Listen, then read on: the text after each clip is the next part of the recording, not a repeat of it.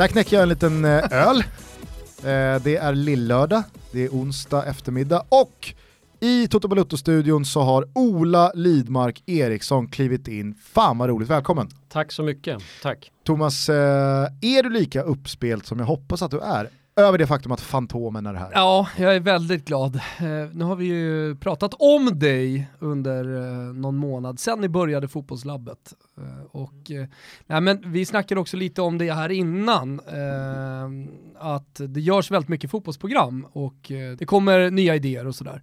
Men det är sällan man har ett anslag som känns nytt, som känns fräscht och som man nästan blir lite förvånad över och väldigt glad. Då.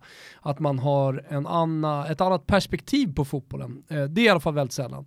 Så startade ni fotbollslabbet och jag är som vanligt skeptisk till vad Gusten tar sig för sådär. ena dagen står han liksom med Jörgen Krut ut och får spö, andra dagen så gör han, vad vet jag, något webb-tv-program på, på fan-tv. Och så klagar han över att han har mycket att göra. Nej men så kom det här programmet och tänkte jag, jag ska i alla fall ge det en chans. Och jag har varit såld direkt. Jag tyckte det var intressant, mm. det var rappt, roligt, spännande och ett nytt sätt i alla fall att rapportera om fotboll på, att, eller framförallt att analysera fotboll.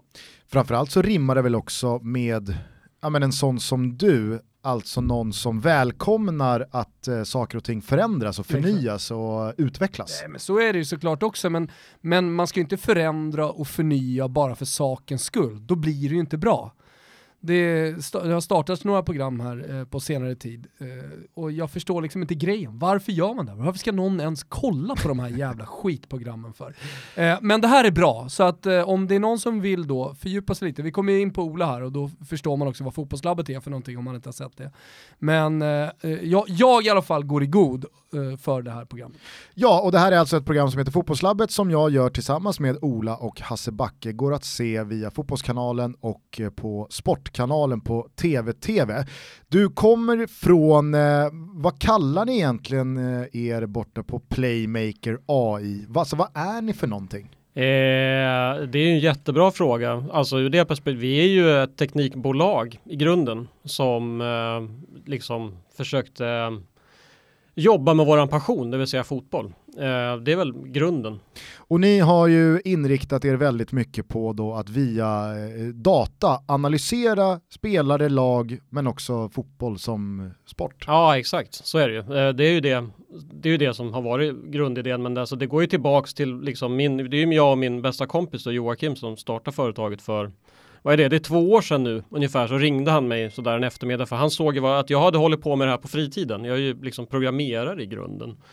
Eh, så eh, var ju han som är en stor fotbollskonnässör så tyckte att det här var jäkligt spännande och drev på mig och liksom fan det här kan vi göra någonting av. Det här är ju någonting som är på väg att hända i andra länder. Vi såg ju att de klassiska exemplen som ni säkert också har hört talas om, liksom Brentford och ni har sett filmen Moneyball. Och, ja, um, där är väl liksom, det, det, är väl the household, eh, alltså, exemplet nummer ett. Ja, Moneyball men, jo, men så, så, är det ju, men så här, nu har jag hållit på med det här så pass länge så jag kan ju börja bli lite trött på att fortsätta starta i den ändan i varje diskussion. Och det är ju samma sak med, vi har idag suttit och pratat expected goals för mig blir det på något sätt igen. Mm. Jag höll på med det här, vi började med det här 2014 och det är ju ändå ett tag sedan. Eh, men jag förstår ju att det är så. Det kommer ju ta ett tag innan den här typen av saker sätter sig. Men, det är som för oss med podcast. Ja, jo men visst, men alltså om, om Joakim och jag liksom hade förstått att nu sitter ju liksom folk i Simor och pratar om expected goals i de allsvenska sändningarna. Om någon hade sagt det till oss när vi satt 12 år gamla och spelade football manager i ett mörkt pojkrum så hade vi bara skrattat åt oss själva då i liksom den Eh, så vi har ju kommit långt redan nu, så jag, jag köper det och jag står gärna och fortsätter göra det på barrikaderna därför att jag tror att vi ändå vill vara med och påverka svensk fotboll för att vi brinner för det. Och tycker på vilket sätt eh, påverkar det svensk fotboll just nu då? Eh, alltså ja, vi jobbar ju, försöker ju få de vi jobbar med, det vill säga de fotbollsföreningar vi jobbar med och ha. Ja, ni jobbar med allsvenska klubbar? Ja, det gör vi, ett gäng. Eh, och vi försöker ju få dem att vara med dem i processen och börja jobba datadrivet för att gå från att vara liksom fatta alla beslut på en eh, så att säga magkänsla egentligen till åtminstone ha ett statistiskt Inne på planen så att säga. Ja, men även i beslut när det gäller rekryteringar och utvärdering av matcher och prestationer och så vidare så ser ju vi att det finns en styrka i att kunna liksom luta sig tillbaka på ett statistiskt underlag också. En del av de här eh, samarbetena er och klubbar emellan är eh, sekretessbelagda, Mm. eh, men Mm. några samarbeten... Varför är de det? Det får du nästan fråga dem om vilket du inte kan eftersom du inte får veta vilka det är. Men jag kan inte riktigt svara på, på det. Alltså jag tror att det är... Ah, vi jobbar med dataanalys va?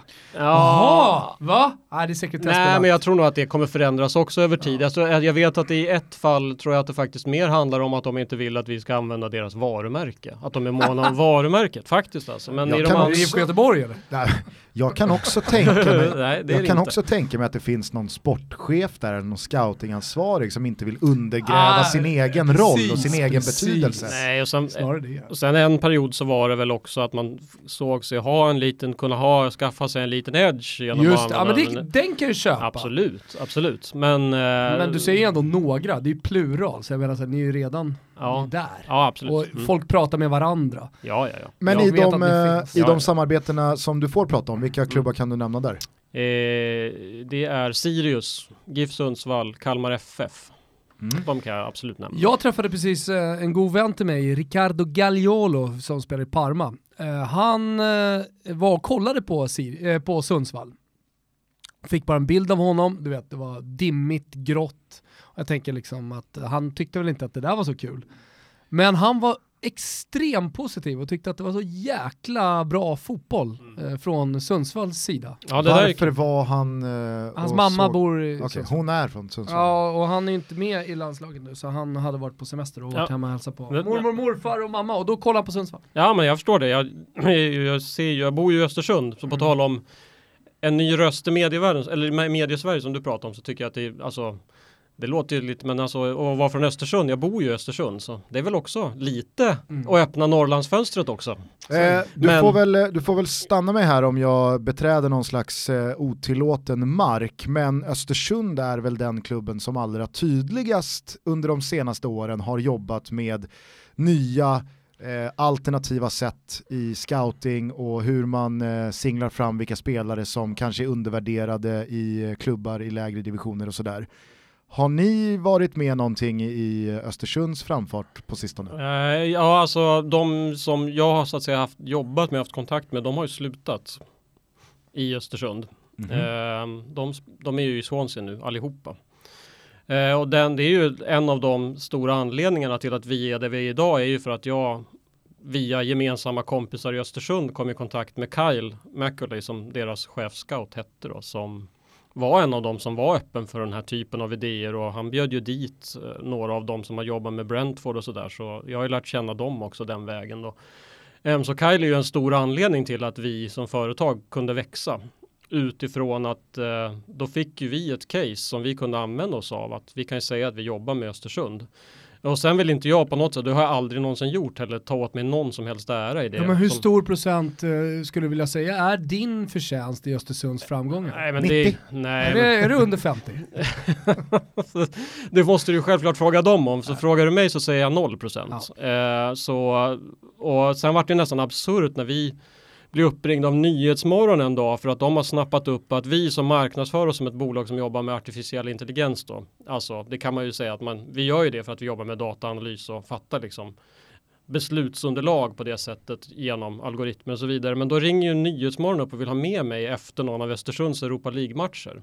Och rubriken var på något sätt så här använder Östersunds fotbollsklubb artificiell intelligens för att nå framgångar i Europa. Då tänkte folk robotar. Ja, ja men ungefär. Det vart ju, rätt- det vart ju nästan absurt. Och dessutom sitter vi i Leipzig och ska ha möte med Red Bull Leipzig på morgonen där. Så ringer Nyhetsmorgon upp och vill ha med mig. Och jag kan ju liksom inte sitta där och ta åt mig någon som helst ära för det, det vill Ja, jag men det var lite såhär, vem ska vi ringa på morgonen? Ska vi ringa Kindberg? Ska vi ringa, vem var det som avgjorde? Var säg att det var Ghoddos. Ja. Ghoddos? Ja, vad fan, vi ringer AI-gubbsen. Ja, exakt. Som har robotar som talar om Ja, för... Ja, jag vet inte, men det Nyhetsmorgon är också, det är väl inte riktigt forumet för att eh, prata om. Nej, och så fick man, jag fick väl kanske en och en halv minut på mig att förklara vad vi gjorde också eller något sånt där. Hisspitchen. Ja, exakt. Men det är inte helt fel att säga att ni verkligen har jobbat konkret med Östersunds FK de senaste säsongerna, men inte gör det längre. Nej, så är det. Mm. Eh, finns det någon eh, spelare som har hamnat i Östersund där ni på något sätt har varit bidragande i att eh, ringa in att den här spelaren har väldigt intressanta siffror? Eh, nej, det tror jag faktiskt inte. Alltså det, det, man ska ha med sig är ju att just Kyle och Östersund är ju kanske den förening i Sverige som har haft mest fungerande traditionell scoutingverksamhet så tillvida att man faktiskt haft en heltidsscout som har suttit i deras klubbhus och tittat på fotboll hela dagarna med hörlurar på. Det ska man komma ihåg. Alltså han, tittar, han har liksom sin iPad och så tittar han med lurar. Exakt vad han behöver lurarna till när han tittar, det har inte jag riktigt förstått. Men det, det ser jävligt proffsigt ut när han gör det. Um, så nej, jag tror egentligen inte att vi har kunnat tillföra mer till andra klubbar ur det perspektivet att vi ju vill ju så att säga tillföra scouting eller datascouting som en tjänst och då tillför vi ju mer till klubbar som kanske inte har de resurserna eller har lagt de resurserna som Östersund har gjort. I Östersunds fall tror jag att vi mer har agerat bollplank eller liksom beslutsunderlag eller second opinion förstärker siffrorna det som jag ser eller tvärtom. Så att ni var även eh, väldigt involverade i deras dagliga verksamhet i att utvärdera spelarna som var på plats och spelet som spelades på ja, plan. Lite grann, och... ja, alltså lite grann ja. i alla fall. Mm. Eh, rent konkret då i de här klubbarna du nämner, GIF Sundsvall, mm. Sirius och eh, Kalmar. Kalmar mm. Vad gör ni där? Eh, ja, jag, får, jag kan inte säga, förlåt, jag får inte säga jättemycket, jag kan inte säga jättemycket om exakt hur vi gör jobbar och så vidare. Det finns ju avtal som reglerar också. Utan jag får egentligen bara säga vi jobbar med dem. Kul! Jo, Tack för att ni har lyssnat. Det här har varit Toto Balotto med Ola Lidmark Eriksson. Jag, jag tänkte på det här med Sundsvall. Vad heter du? Det kan jag inte säga. Nej, precis. Men jag gillar ju det du sa om Sundsvall, för jag har ju själv sett Sundsvall ganska mycket och mm. de som känner mig vet att jag har tjatat om att de har spelat väldigt bra fotboll har haft en bra idé. Det är ju inte den här säsongen så för mig är det ju ingen, verkligen ingen liksom överraskning att de blir hyllade i år. För de som har sett Sundsvall komma till Östersund och spela fotboll så är egentligen Sundsvall det lag som har varit tydligast i en spelidé redan tidigare säsonger och faktiskt försökt spela fotboll även mot Östersund. Så det har varit väldigt roligt se, att se den resan. Ser man på kan man se på siffror att en spelidé är tydlig eller otydlig? Eh, ja, i viss mån kan man ju göra det utifrån hur högt eller lågt ett lag ligger eller hur, vilka spelmönster man har och sådär. Så det tycker jag nog att man kan göra, absolut.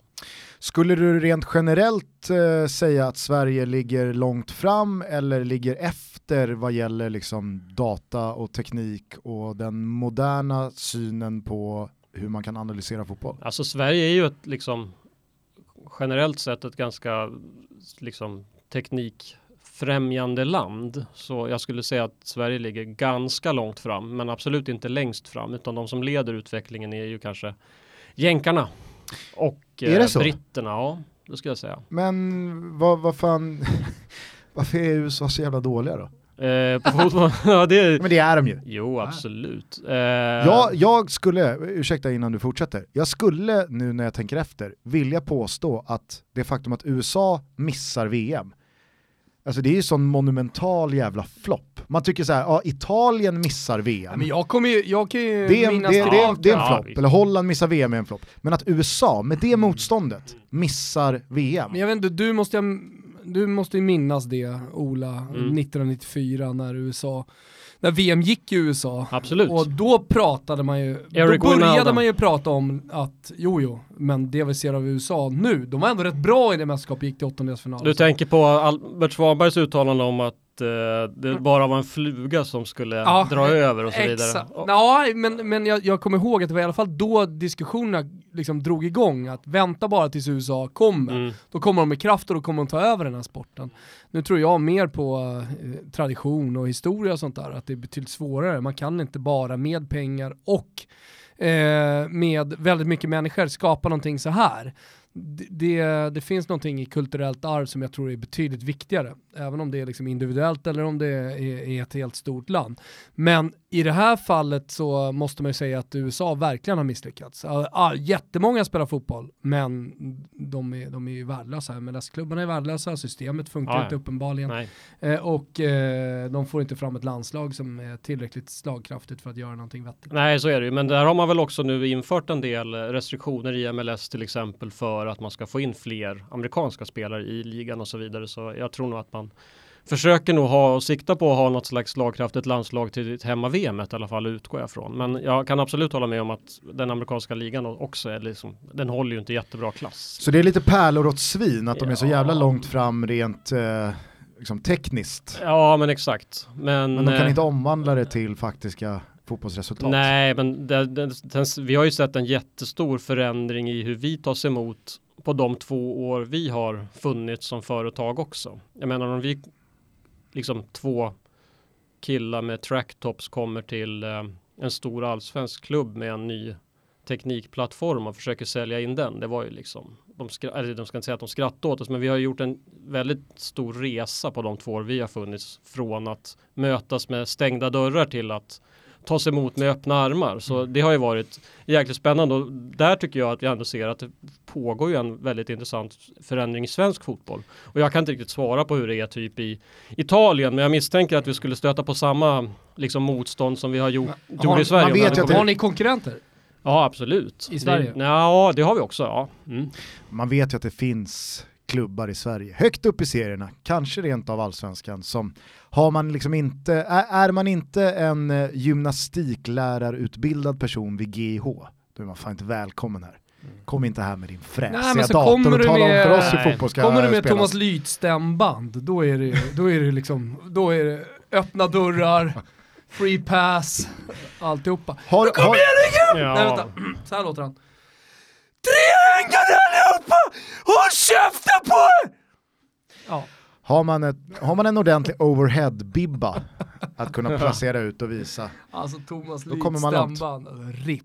Eh, bara innan vi lämnar USA, du vet att eh, Ola bara för någon månad sedan satt och såg om alla Sveriges matcher i sin helhet från VM 94 för att eh, ja, men banka statistik som liksom inte finns från det mästerskapet och den tiden. Ja men, ambitiöst, Fantastiskt. bra, Kan man såklart. se- kan man den se statistiken i, behövs ju. Kan man Hittade se, du någonting där? Eh, nej, det var mest min kollega faktiskt som gjorde det, men eh, vi hittade väl en del intressanta saker som man inte ser annars, men det är ju att det, liksom, det, fotbollen har utvecklats så tillvida att man värderar ju avslutet med det. Det är otroligt mycket distansskott. Mm. Vi tog ut någon skottkarta på Dunga eller något sånt där, det såg helt vansinnigt ut. Antagligen så här 35... Dunga ska inte skjuta Nej, överhuvudtaget. alltså konstigt. Men eh, har, jag så- antar att ni har någon slags system som ni arbetar i? Ja, Ja. absolut, absolut. F- Finns det, finns det alarm i det systemet? Eh, nej, Nej men du förstår vad jag menar, alltså du, Ja. du, ja, det behöver inte vara ett alarm Nej, en alarmklocka Nej, det som skulle ringer. kunna vara det. Men jag menar så här, kan det vara så att du tittar på något och du, ja men jag tänker att du gör det här då. Mm. 12 timmar om dagen så Ja. sitter du inne i Ja. ditt system och eh, analyserar. Mm. Kan det vara ibland liksom när pulsen börjar rusa på grund av en siffra och lite sånt där? Ja, det skulle det ju kunna vara, en men det... bultande erektion. Ja. Sitter med Kalmar och bara Går igenom den georgiska andra divisionen och hittar den här killen han har ju gjort 15 mål på tre förväntade liksom och sen måste man, men Ja, jo men lite så, absolut. Det är ju lite som att spela fotboll manager på riktigt. För de som gör det liksom. Eh, innan vi kommer tillbaka till det här så skulle jag bara fråga, vilka länder och kanske rent av klubbar sticker ut åt det positiva hållet här i eh, hur långt fram man ligger? Eh, alltså jag har lite dålig koll på England för de är lite hemlighetsfulla men eh, jag vet att eh, de som kanske ligger allra längst fram när det gäller företagsmässigt och de som har drivit ungefär gör det vi gör fast liksom upphöjt till två. Det är ett amerikanskt, eller ett engelskt bolag förlåt. Så de tecknar ett stort avtal med PSG nu. Så nu Och börjar när det du ju säger upphöjt till två så är det mer tid man lägger på det. Ja, framförallt de, ja, de är ju mer, de är fler anställda liksom. Ja. Eh, så är det. Det är samma, det, det är samma data som eh, Ja, analyseras i jo, det, är- slutändan. ja det är det absolut.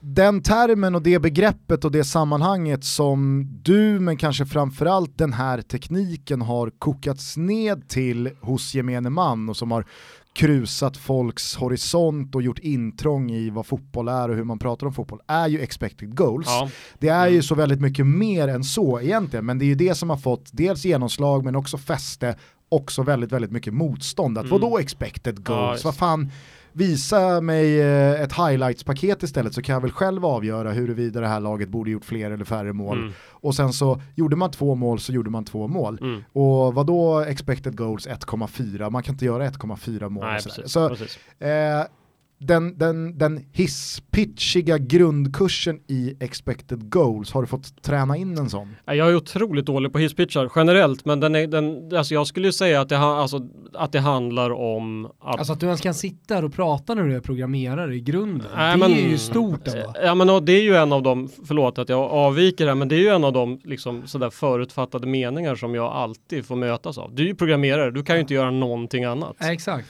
Liksom. Det, är ju, det, det möts jag av, det har jag ju alltid mötts ja. av egentligen du kan inte lyssna på drum and bass, du är programmerare, du ska bara sitta och vara programmerare liksom. Ja. Du kan inte producera, inte för att jag gör det, drum and bass. Varför, och framförallt inte att jobba med någonting så mjukt och någonting så äkta som fotboll. Nej exakt, data, exakt. Du kan ju inte förstå det på fotboll. Nej men jag kan programmera men jag kan liksom inte lära mig offside-regeln för att jag är programmerare. Det skulle liksom vara omöjligt eller lära mig att förstå eh, vad en halvyta är liksom. Det går inte. Så Ja, men, men jag tycker där tycker jag ju verkligen att eh, och stor eloge till de jag jobbar med, både liksom de jag jobbar med på Simor som jag tycker är fantastiskt öppna och otroligt roliga att jobba med, men även de klubbar vi jobbar med. Det är ju ingen där som säger att men jag tänker inte lyssna på dig för du har ingen spelarbakgrund. Det, all, det har jag faktiskt inte mötts av där, utan det möts vi jag bara av i annan lite mer onyanserad kritik om jag får säga så. Men jag mm. kan ju bli ganska, på tal om expected goals så handlar det ju om att liksom bara göra statistiskt underbyggda påståenden istället för att använda magkänslan. Det är ju väl så enkelt egentligen. Sen så kan ju jag tycka efter att ha jobbat ihop med dig ett halvår sådär att expected goals borde ju snarare presenteras som en förklarande modell av prestation mm. snarare än resultat. Alltså ja. det är väl vad expected goals egentligen visar. Absolut. Om man, eh, om man visar att ja, men det här laget har expected goals på 3,4 mm. så säger det egentligen mycket mer om prestationen i sig än vad matchen faktiskt slutade. Ja, borde man gjort fler, borde man, alltså en, ju högre siffran kan är på... Kan ni bara, bara bromsa för folk som inte riktigt är med nu. För att ni går lite snabbt fram, det är för att ni två har stått i en studio mm. tillsammans. Uh, men, men expected goals, vad är det? Jag förstod vad du sa, ja, ja. Men, men ännu mer liksom... Uh, tänk, dig, tänk dig bara ett avslut, ett avslut mitt inifrån straffområdet. Hur stor sannolikhet är det att det här skottet blir mål? Det är ju den, det är den, svaret på den liksom ganska komplexa frågan som man försöker liksom besvara. Mm. Genom att sätta en siffra på avslutet. Är det 100% sannolikhet att det blir mål eller är det 0% sannolikhet att det finns blir mål? Finns det 100 och 0? Det finns både och ja, mm. absolut. Okej, då är min nästa fråga, hur använder man, menar ni, det här då i studios och så för de som inte har hört det tidigare? Jo, om jag bara får, ja. får, får liksom tolka det utifrån hur jag har lärt mig att använda det så är det ju, du, du vet hur man kan liksom se på fotbollsmatcher som rån av vissa lag. Mm. Ja, man, Ta AIK och Hammarby, derbyt. Eh, ja men det var väl inget rån riktigt. Ja, Okej okay då. Eh, men många minns säkert matchen mellan Djurgården och Malmö i fjol på Tele2 när Djurgården totalt dominerar, Kerim Rapti missar en straff, Malmö får Marcus Rosenberg utvisad med typ en halvtimme kvar och sen så gör eh, Svanberg tror jag 1-0 på uh, tilläggstid mm. och Malmö lämnar De Stockholm. De hade några sådana matcher förra säsongen ja. Malmö. Malmö, ja, läm Malmö lämnar Stockholm med tre poäng. Eller en match som vi säkert kommer återkomma till lite senare i avsnittet är ju den mellan Malmö FF och IFK Göteborg från i våras. Ja, som hade föranletts av att Poja gick ut och sa att Malmö har en halv miljard på banken men slår mest inlägg av alla och Magnus Persson stod efteråt lite så här dålig förlorare men förklarade att prestationen är skitbra, eh, vi ska inte förlora den här matchen och så vidare. och så vidare.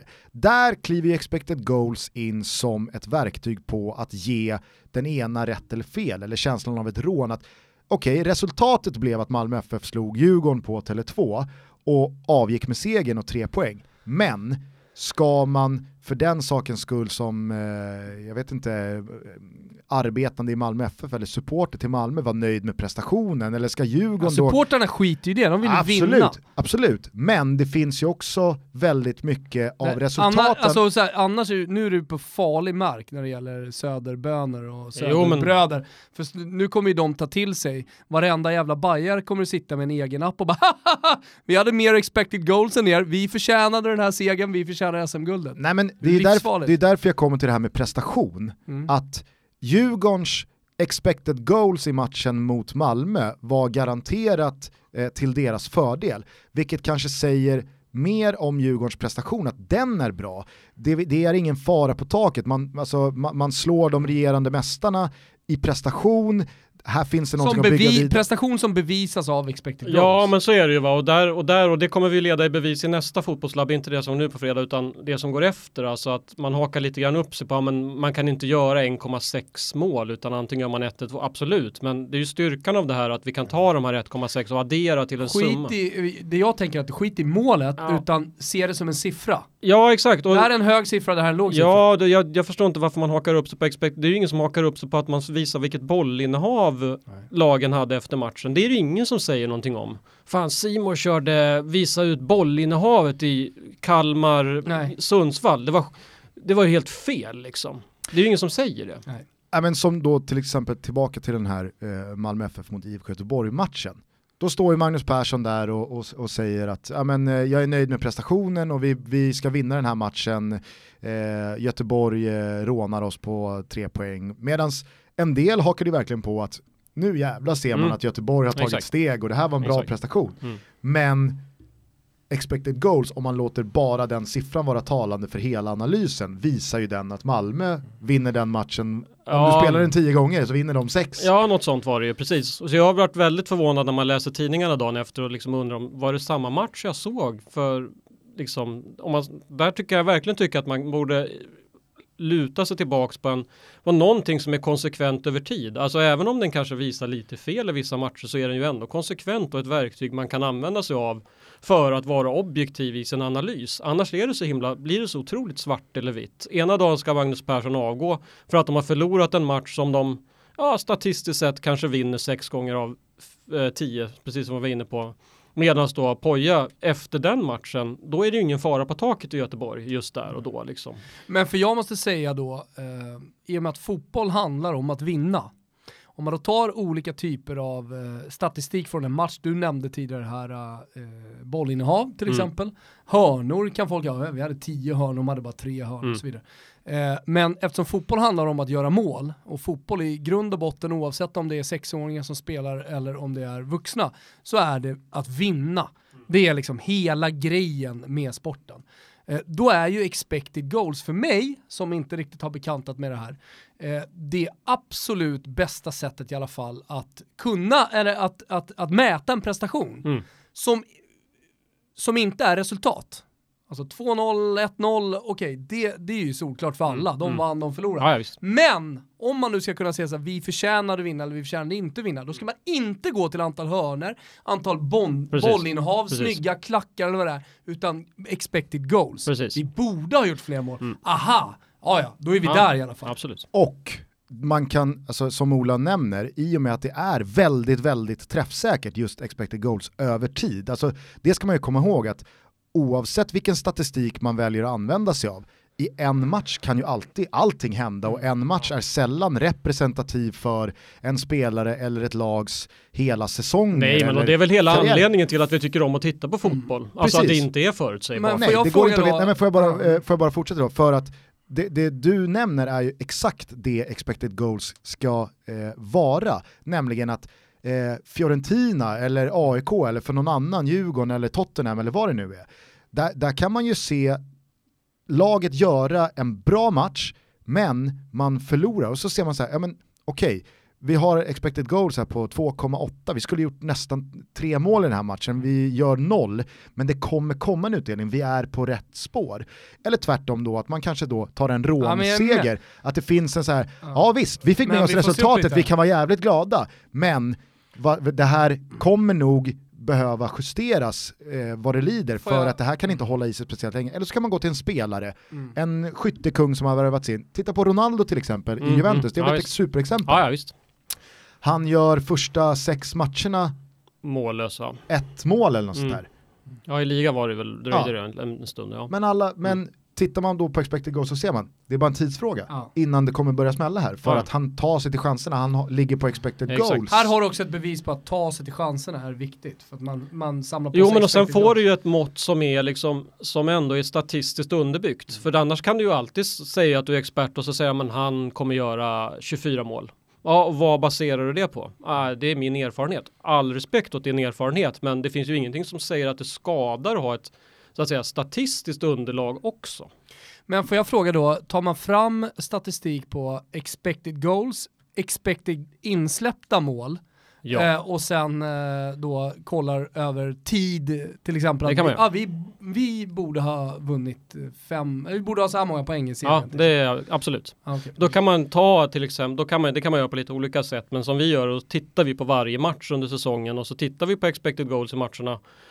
Och så tilldelar vi då poäng utifrån, ja men, om vi, jag tittar ju på alla våra matcher och det är 20 000 match, spelade matcher och sen utifrån hur, Ja, det är inte fler. nej, så, Mm. nej det är 20 000 och sen tittar vi på hur många gånger man vinner om man har den här expected goals, hur många gånger har man kryssat om man har den här expected goals, hur många gånger har man förlorat. Och då får vi fram liksom en ändå skapligt statistiskt underbyggd, faktabaserad underbyggd sanning, som, eller sanning, men en liksom ett, eller någonting som säger att ja, men då har du Spelar du den här matchen igen så kommer du generellt få två poäng liksom. Alltså, och så kan du Nej. skapa en, så kan du skapa en tabell utifrån det som någonstans mäter prestation istället. Man kan väl som någon slags bevisföring, eh, jag, jag, vill inte, jag vill inte råna allt eh, för mycket eh, stoff från fotbollslabbet som vi precis har spelat in till det här avsnittet, men eh, Playmakers expected goals eh, kalkyl gav fotbolls-VM i somras eh, expected goals 172 och det gjordes 169. Så att där diffade tre mål av så många mål. Eh, Premier League-säsongen i fjol gjordes det 1018 mål och Playmakers expected goals var 1024 mål. Så att jag menar, det är ju ruskigt, siffror. ruskigt pricksäkert. Eh, Ja, för det får vi också, det är ofta en sån där sak man ofta, att det är för lågt liksom. Ja. Ja, men det där är inte 0,2, det är 0,7. Ja, Mm. visst, det, kan, det kanske är det om man väger in fler parametrar, men det innebär att någonting annat måste vara lika mycket lägre, för annars Mm. kommer det inte gå ihop. liksom. Nej, nej, exakt. Och precis som att expected goals både fram och tillbaka, eller expected goals against som det Mm, heter mm, mm. kring insläppta. Det var ju det Ola gjorde med den här Barcelona-säsongssimuleringen i våras som vi pratade om, när Ola alltså utifrån Barcelonas expected goals och expected goals against eh, siffror simulerade den säsongen en miljon gånger Mm. och fick fram att ja, men, sannolikheten att de klarar sig obesegrade hela vägen in i mål är en knapp promille. Mm. De kommer förlora. Och sen så förlorar de i matchen eh, därefter som är mot Levante. Och då kan man ju säga så här, ja men vadå, det, de, hade ju, de, hade, de hade ju såklart kunnat klara fyra matcher till och löst Ja, den ja. där obesegrade säsongen. Mm. Men det är Nej, men det är väl en så pass raffinerad eh, liksom modell. Ja, men och sen så blir det ju också, det- återigen då, det, alltså du kan ju liksom med sunt förnuft också säga det. Men det är ju ändå intressant tycker jag att ha ett statistiskt underlag. Jag förstår inte att man behöver ha någonting emot det. Det ena behöver ju inte ta ut det andra. Jag kan ju tro att de ska klara sig, men ha ett statistiskt underlag som säger någonting annat också. Det är ju två olika saker. Och jag vet inte vad du säger Thomas, men jag kan ju tycka att fan när vi nu är snart inne i 2019 så kan jag ju tycka att analys och statistik det är väl minst lika relevanta hjälpmedel som att någon har en spelarkarriär Äh, för 25 år sedan att luta sig mot. verkligen. Och Det sen, låter snarare som någonting obligatoriskt. Om någon hade frågat mig för ett år sedan, jobbar klubbarna med analys via data? Då hade jag sagt, ja, alla, ner till division 3 i Sverige. Alltså typ. Det är många som vill också ska man ju säga, men det är ju, resurserna är ganska små än så länge. Man ser ju att de klubbar som i Sverige, de har ju inga De får problem. för fan inte vara så jävla dyra när Nej, Frej nej, vi, kommer. nej, visst, nej, Frej, de, visst. Men, Men i och för sig Frej just från Täby, då, kanske, då kan ni, då Nej, kan ni alltså- bräka på lite, där finns det många mycket. Nej, men alltså det jag säger det är alltså att de som sitter på, i, i beslutsfattande roller i klubbarna är ju fortfarande inne i, de har ju lättare att lägga eh, en miljon på att byta fönster i arenan än att lägga 10 000 på dataanalys. Mm.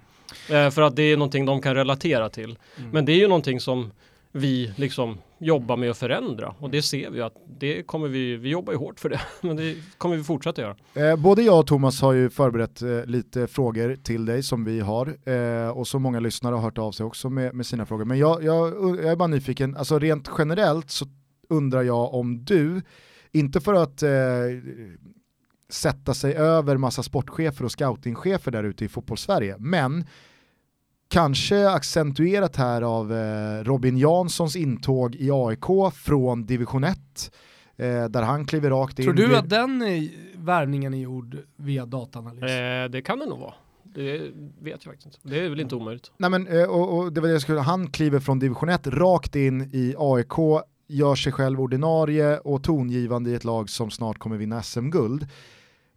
Är han ett exempel på, inte, inte för att han kanske då bestämt är eh, analyserad via data, men är han ett exempel på att det går att hitta spelare som är allsvenska eh, lägre ner i, i eh, seriesystemen i en högre utsträckning framöver tror du? Eh, ja, men det tror jag faktiskt. Men, och även i andra länder. Precis, jag gillade ju den som du gjorde här för att ta sen. Jorgi, Georgi, alltså nu har ju inte jag täckning på den georgiska ligan, annars hade vi kunnat ta fram honom som ett exempel. Men eh, jag är övertygad om att det går att effektivisera scoutingprocessen ganska ordentligt. för det känns ju som att de här verktygen måste ju kunna trumfa tiden, kraften och kostnaden det tar att med fysiska ögon på plats scouta Ja, men- eh, alla spelare. Ja, ja visst. Ja, jag vet. Och det ena tar ju inte ut det andra, men om vi som till exempel med det här, det är också, vi gör ju den här player index på fotbollskanalen. Jag vet inte om ni har sett det, när vi liksom utifrån egentligen liksom på samma sätt så jobbar ju vi fast på lägre nivåer med klubbar och liksom med spelare som vi letar efter. Då går ju vi på den där siffran när vi försöker hitta intressanta spelare. Och om ni går igenom den topp 100 så tror jag att ni säkert kommer vara överens om 70 av namnen. Alltså även om Messi är tvåa just nu tror jag inte etta, men han kommer ju bli etta om ett tag liksom på den där rankingen. Så topp 10 är ju liksom, jag skulle säga att det är ju sju av världens tio bästa spelare och funkar den där så funkar den ju i Georgien också.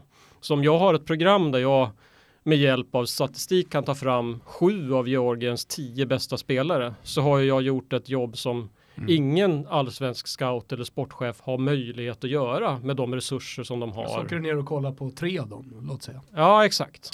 exakt. Jag det är inget hör fel ju- att jag tillbringa ju en här månad i Georgien. Nej, Jag, verkligen hör, inte. jag hör ju här direkt att agenter borde väl ringa dig. Nej, jag har inte hört några. Nej men du förstår vad jag tänker. Ja, alltså du tänker, verkligen. att, du tänker att, ja, Nej men äh, jag, vi sa ju det när vi pratade om den här fantastiska georgiska fotbollsspelaren. Att, har han ingen agent eller? nej men, jag, nej, men vi, vi tänkte, ska vi, ska vi verkligen säga det här eller ska vi hålla honom för oss själva? Ja, och kanske då på något sätt, eh, jag vet inte, hur som helst, ska vi ge honom till agenterna som lyssnar på våran podcast? Det gör ju, vet du, alla ja, ja. svenska agenter. Ehm, men eh, vi gav honom bara då. Mm. Och så får vi se vem, vilken eh, agent som är först då ner till Georgien och signa honom. Eh, jag, sk jag, sk jag ska gissa på att det är Patrik Mörk, han gillar den typen av resor. Men du förstår hur jag tänker, att på samma sätt som, klubb, Kallbäck gillar inte Georgien. Gör är inte min, det? Nej, min feeling alltså. Ja. på samma sätt som klubbar kan då eh, betala för Playmaker AIs tjänster Mm, mm. så borde väl en agent kunna höra av sig till dig eller er och säga singla ut eh, den, bäst, den bästa gubben från, eh, ja men ta Jorgen som ja, exempel då. absolut. Mm. Ja. Han behöver inte göra något jobb, Nej, nej. han behöver liksom inte åka till eh, Tbilisi och sitta och huttra och kolla massa matcher på deppiga arenor. Han får bara ett namn av dig Mm. och om han då får eh, han får Georgiens bästa spelare, han får Litauens bästa spelare, Mm. han får Vitrysslands bästa spelare. Litauens bästa spelare kan jag ge dig. Eller jag kan nog inte, men jag har honom i huvudet. Nej, men du förstår- Ah, vi tar upp han sen. Du förstår vad jag tänker, alltså han, han får eh, eh, Azerbajdzjan, så, eh, du vet, alltså någon av dem, ni, ni borde ju, precis som du säger, alltså ni ska ju vara så träffsäkra att ni kommer ju ha rätt och ge honom då spelare som han kan göra skillnad med och göra cash på till klubbar på en svensk nivå eller eh, dansk. Ja, ja, ja visst. Absolut. Ja, men, å- återigen, vi kom, har inte rätt varje gång, men det är väl ingen som har. Nej, Så. nej, herregud. Nej nej, Nej, hundraprocentigt hade det varit nice. Nej, men alltså på tal om att man har byggt en robot som är felfri, så den är ju inte felfri Nej. liksom. Nej, och säg den sportchef eller eh, scoutingchef som är felfri. Nej, det enda som är felfritt det är väl flygplanens autopilot. Nu blev det tyst här, men jag är helt övertygad om att jag aldrig hade skett en flygkrasch om autopiloterna Kändes som ett programmerarskämt. Ja, förlåt, förlåt. Som no pun intended Nej. flög över huvudet. Köra några till sådana lite senare här. En sak kan jag tänka mig när du pratar med folk, Mm. Folk som är polare eller vad det nu är, sitter på puben eller till och med i arbetet och du nämner någon spelare eller så som är dålig till exempel. Mm. Eh, Att, eh, att, folk blir lite, att folk är lite lättstötta vad det gäller det där. Alltså om jag har en favoritspelare, om du skulle gå och sänka då min favoritspelare, så känner jag ju direkt lite agg mot dig. Ja. Och så tänker jag, Hä, ha, det, ja, ja visst, han, kör, han kan köra sin statistik Ja. alltså, men det jag ser det är någonting annat. Ja, men så är, ja, absolut. Alltså även på den pubnivån och eh, sådär. Ja, jag pratar ju väldigt sällan fotboll på pubbar måste jag säga. Vad pratar du om då? då? Nej, alltså jag brukar försöka undvika, alltså jag tittar helst på fotboll själv. Okej. Och jag, och så Ja, du borde följa med mig till Florens och stå i kurvan, bara liksom för att balansera upp det här. Sitta och, och Jag har bara varit på långsidan. och... jag har varit på långsidan i Florens men inte i kurvan. Okej, men nästa gång så lovar jag att då ska du få gå med Ja, i kurvan. gärna. Det skulle jag gärna. Då- Nej, men då ska alltså- vi stöka rejält. Ja, alltså, nej men jag, jag vet inte, alltså jag, jag har lite svårt för att ta den här typen av diskussioner. Jag är ju lite Ja. sådär, in, alltså nu kommer jag spä på myten om mig som den här introverta, jag framstår ju som så. Ja exakt, ser lite förvirrad ut i, i fotbollslabbet och sådär men alltså jag, jag, jag det tittar helst på fotboll själv och jag pratar egentligen inte så mycket om fotboll med andra än de jag vet initierar det för jag orkar inte ha debatter om offside-regeln eller Men är det när inte lite... Champions League-matcherna börjar för att de som jag pratar, ja ni vet hur det blir på pubbar. Till Men slut så har man ju tappat fokus liksom. Men är det inte lite samma sak med, med, med spelare som med expected goals? Att statistik och siffror och svart på vitt, det är en sak men det är inte allt. Nej, så är det ju verkligen. Alltså, jag, jag är helt övertygad om att det aldrig kommer komma ett eh, mätverktyg eh, datamässigt som kan på riktigt förklara eller eh, dela ut en siffra på vad en Marcus Rosenberg betyder för ett lag Nej. eller vad han, Nej, vad han gör med lagets eh, attityd eller eh, nej men det är klart att det är så. karaktär. Det är Alltså, klart att det är så.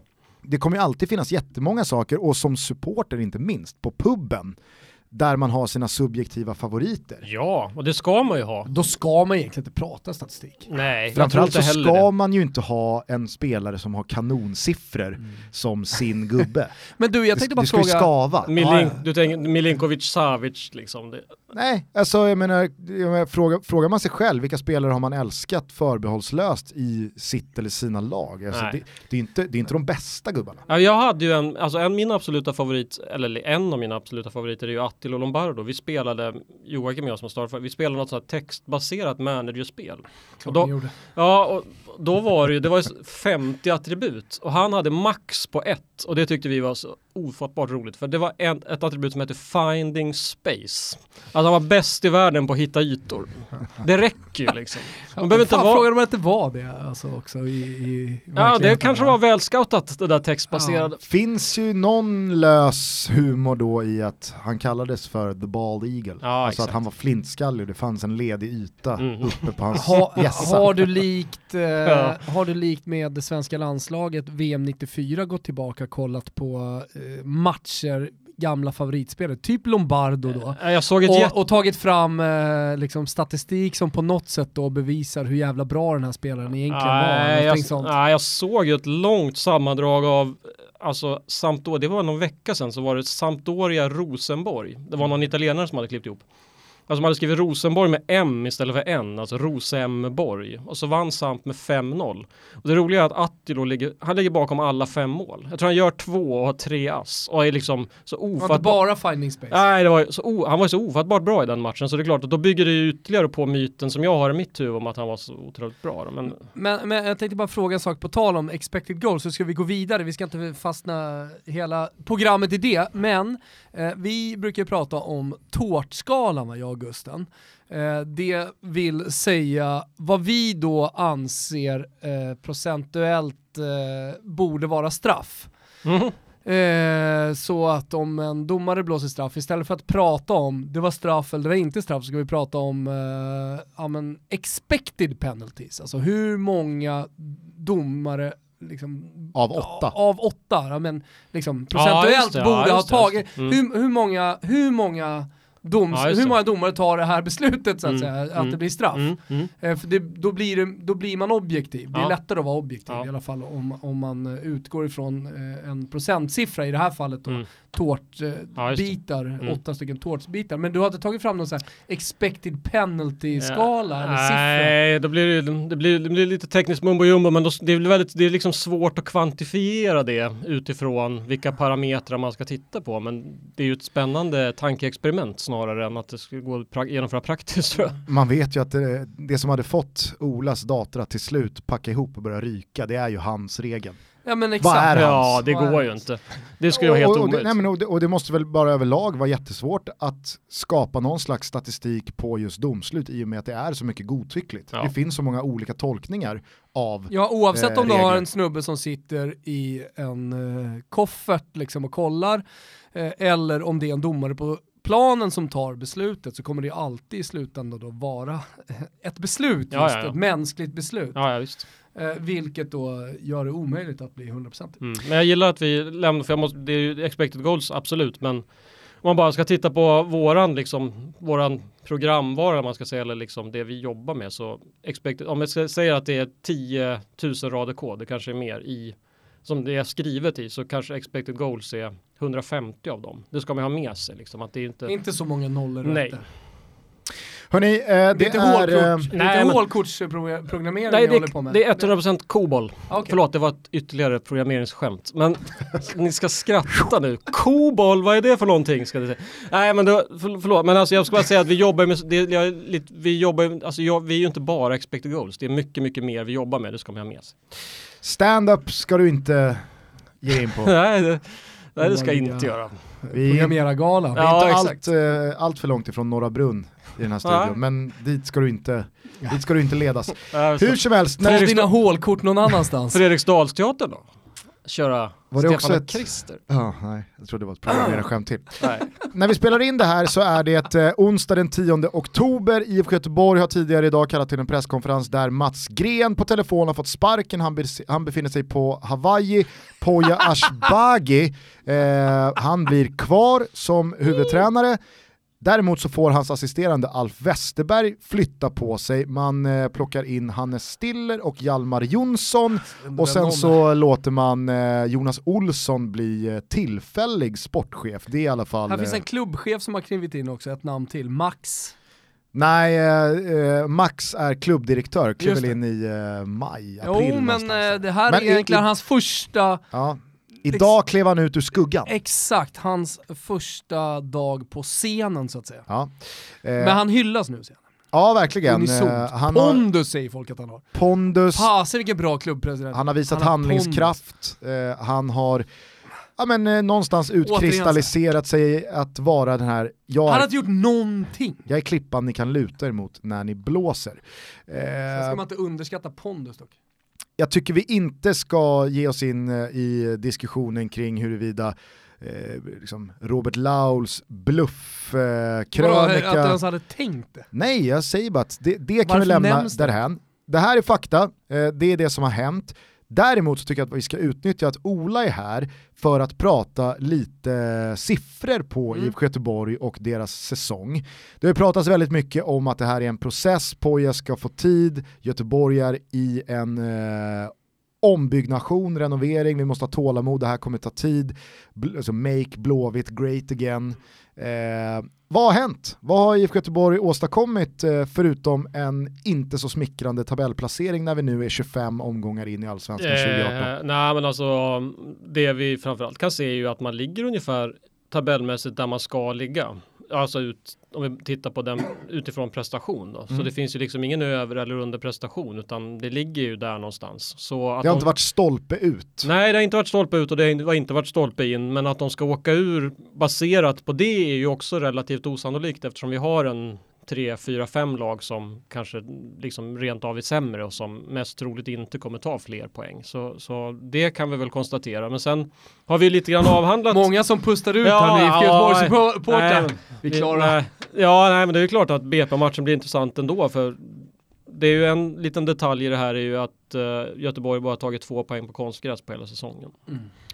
Eh, och den är ju lite, vad säger man, frapperande. Mm. Mm. Eh, men eh, sen hade vi, den avhandlade vi ju den matchen mot eh, Malmö som var eh, liksom en Just av dem det. där jag kan tycka att det ändå liksom blev lite Helt Tokigt. plötsligt, ja men helt plötsligt vände ju drevet till att hylla Göteborg dagen efter i, i tidningar. Ja, men nu har de någonting på, de, som vi sa, de kontrar in Mm. två baljor och vinner den matchen på ett sätt som man kanske inte riktigt borde ha gjort. Och det kanske Hur är- många expected goals hade lagen då? Ja, men då är det ju alltså då alltså så att Malmö hade ju 1,5 och här någonstans brukar Lasse Granqvist ta upp sig på att man kan ju inte göra 1,5 mål. Nej, men man har gjort en prestation som om du hade spelat om matchen 10 gånger så hade de gjort Fem. Fem. Ja, men han 15 lider mål. väl lite av autism Ja, också, men- Lasse? Ja, absolut. Mm. Han, han vill väl göra liksom en, han vill väl skapa någon slags diskussion. Ja. Ja, och eh, Göteborg hade 1,12 då. Och om vi då skulle utifrån de siffrorna titta på historiskt sett hur ofta vinner hemmalaget om man har den 1,5 mot 1,12. Ja, men då hade ju Malmö vunnit ungefär 4 av 10. Det hade blivit kryss 3 av 10 och Göteborg vinner helt enkelt den matchen ungefär var femte gång. Mm. Så eh, baserat på det så skriver sen samlade media att nu är det dags för Magnus Persson att avgå och nu är det dags för Göteborg lyfta. Jag säger inte att liksom, jag lägger inte, jag vet, det är fortfarande så att det var ju liksom, Malmö har ju lyft efter att Magnus gick, så det kan man ju kanske inte säga så mycket om, men eh, Men reaktionen kanske var Ja, lite väl... den blev väldigt svartvit sådana där Ja. gånger på en, och sen så, baserat antar på en jag, eh, match. sen så antar jag att det är väldigt svårt att eh, leda i bevis genom siffror och statistik. Men som du nämnde och som du pratade om innan vi gick in i studion här. Det är ju på sättet också man vinner den matchen. Det är ju inte via någon fotboll som då proklamerades skulle vara Pojas fotboll Nej. och det Ja, här är just det det, nya exakt, Blåvitt. Utan exakt. det är en defensivt balanserad Det är insats, två Maran kontringar. i Kievo. Ja, Ja, alltså det, exakt. det, det, så det var, det var ju inte heller att, aha, nu såg vi vart Blåvitt barkar. Ja fast å andra sidan så var väl det en av de matcherna där man tydligast har sett en spelare då, så tillvida att man ligger djupt och kontrar. Sen, Ja, ja, precis. App, app, app. Nu slår det mig hörni. Ja men vad fan kan det helt enkelt vara så? Anledningen till att Ballardini får sparken i Genoa är för att Preziosis, alltså presidenten i Genoa, sitter ju på statistik va? De borde inte ha haft 12 poäng, de borde ha haft 3 poäng. Ja, just det. Det har varit en sån magisk jävla mylla. Så inför att man då går in i en betydligt, ett betydligt tuffare spelschema så sparkar sin tränare. Fan, så måste det vara. Är det du som ligger bakom? Nej. Det är inte Fantomen här. Det är nå- den italienska varianten fanto- på Fantomen. Han vill man ju träffa. Vad, det- kan, vad, kan man, eh, vad kan man mer säga då om eh, IFK Göteborgs eh, säsong? Eh, ja, men sen, Po- Poja pratade ju lite expected goals i en intervju för inte så länge sedan där han faktiskt sa att de senaste fem matcherna skulle vara vunnit sett i expected goals. Samtidigt som han också lite grann friskrev sig från att eh, expected goals inte säger allt, vilket det inte gör. Men eh, jag tror också att han hade rätt Jo fast när han säger skulle vi ha vunnit, eh, det du då kommer fram till att de borde ha vunnit 6 av Ja, 10 men av de här så är matcherna, det. 3 Så oavgjorda, en det. Så är det. förlust. Så är det. Så Så jag menar, det, det han egentligen borde säga är ju att sannolikheten att vi hade vunnit den förra matchen är egentligen, eh, liksom, ja. den är större än att vi hade förlorat. så Absolut, säga. absolut. Någonting sånt. Absolut. Han uttrycker sig ju här slarvigt. Ja, absolut. Men samtidigt så kanske man inte ska, ja, ni förstår vad jag menar. Det blir ju, om man inte har satt de begreppen så blir det ju rätt knepigt Ja, att dra ja, dem i en sån Ja, ja. intervju också. Men, Prestationen var bättre än resultatet. ja, kanske men det kan- kan... vi ju inte riktigt se utan som sagt, man ligger där man förtjänar. Liksom. Och det finns ju ingen spelare i Göteborg heller i den truppen som de har nu som direkt sticker ut. Det är ju Inte? en annan. Nej, det, det är det ju faktiskt inte. Av Ehm, det du har samlat på dig då så här långt av Jorgen, liksom. det, det är Ja. någonting som Georgi Karasjvili. Jorgi Karasjvili. Nej, han är inte riktigt där. Jag har för mig att det lite grann har att göra med att han har väl helt enkelt bränt en hel del också. Han har gjort en del mål men han har bränt ganska mycket också. Eh, det är ju en hel del röster som höjs också kring att eh, även fast resultaten och spelmodell och eh, IFK Göteborg som lag och klubb kanske inte har tagit några steg framåt så borde en tränare kunna eh, visa på en talangutveckling, att man har fått, Mm. fått ut mycket av eh, en viss spelare eller att man har ta- tagit eh, kliv med yngre spelare. Mm. Är det någonting som man kan eh, mäta och se på siffermässigt? Nej, inte vad jag har sett, nej.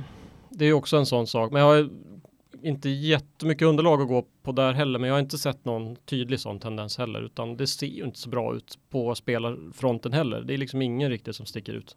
Av de som är kvar ska sägas. Efter sommarfönstret. Är det någon eh, siffra överhuvudtaget som sticker ut åt något håll för IFK Göteborg? Nej. Svar nej, punkt. Nej men det, jag har inte hittat någonting, nej. Det har jag faktiskt inte. De ligger ungefär där de borde Ja. ligga om man ser, alltså det har inte varit stolpe Nej, ut, det har inte nej. varit stolpe in. Nej. Ehm, sen kan man ju alltid diskutera vad man tycker liksom potentialen är på det här laget. Eh, det är ju väldigt många nu som till exempel säger att allting är Mats Grens fel, eh, det här spelarmaterialet, ja men man borde ligga här. Precis som du nu säger expected goals hit och dit, ja, eh, ja, men gör att det inte har funnits någon stolpe in eller Nej, stolpe nej, ut, så nej. menar ju också då supportrar och, och media på att eh, Göteborg ligger där de ska om man Mm. bara kollar på truppen. Men det är ju, det är ju, det är ju mjukt, det går ju inte att, att mäta, mäta hårt, Nej. tänker jag kanske, eller? Nej, alltså nej, det, nu slog det, det sa jag, men den enda siffran som på något sätt sticker ut är ju den där faktiskt konstgrässiffran som Ja. är lite speciell, även om såklart la, lag som spelar hemma på naturgräs såklart spelar mindre matcher Mm. på konstgräs än de som har hemmaplan på konstgräs, men det är fortfarande så att man är ju det lag som sticker ut som det lag Sämst på konstgräs. överlägset sämst va? Och det kan ju också då någonstans kanske i viss mån falla tillbaks på att man försöker spela ett spel. Som inte riktigt gynnas, vilket i och för sig borde göra om man vill spela fotboll. Det här med konstgräs kontra naturgräs, men det är tydligt att de har någonting som inte funkar. Om vi eh, lämnar eh, Blåvitt lite då, finns det något lag tabellmässigt som, som sticker ut sett till att de borde ligga någon annanstans i tabellen? Ja. Alltså är det något lag som har haft väldigt mycket stolpe ut eller stolpe in? Ja, det är väl två lag. Det ena är ju faktiskt Hammarby som har haft lite stolpe ut sett till de underliggande siffrorna då, att de skulle Jävla väntat alltså. faktiskt kunna ha varit med och slagits med AIK om de hade haft lite stolpe in i en del matcher. Vi, har ju, vi kommer väl alla ihåg Sirius-matchen till exempel som, jag har den inte framför mig nu, men det är ju Spelar du den tio gånger så vinner Hammarby åtta gånger liksom. Ja, de, så. Ja men absolut, det var ju en, det var ett mos där på slutet. De har ju en 3-4 helt vansinnigt chanser.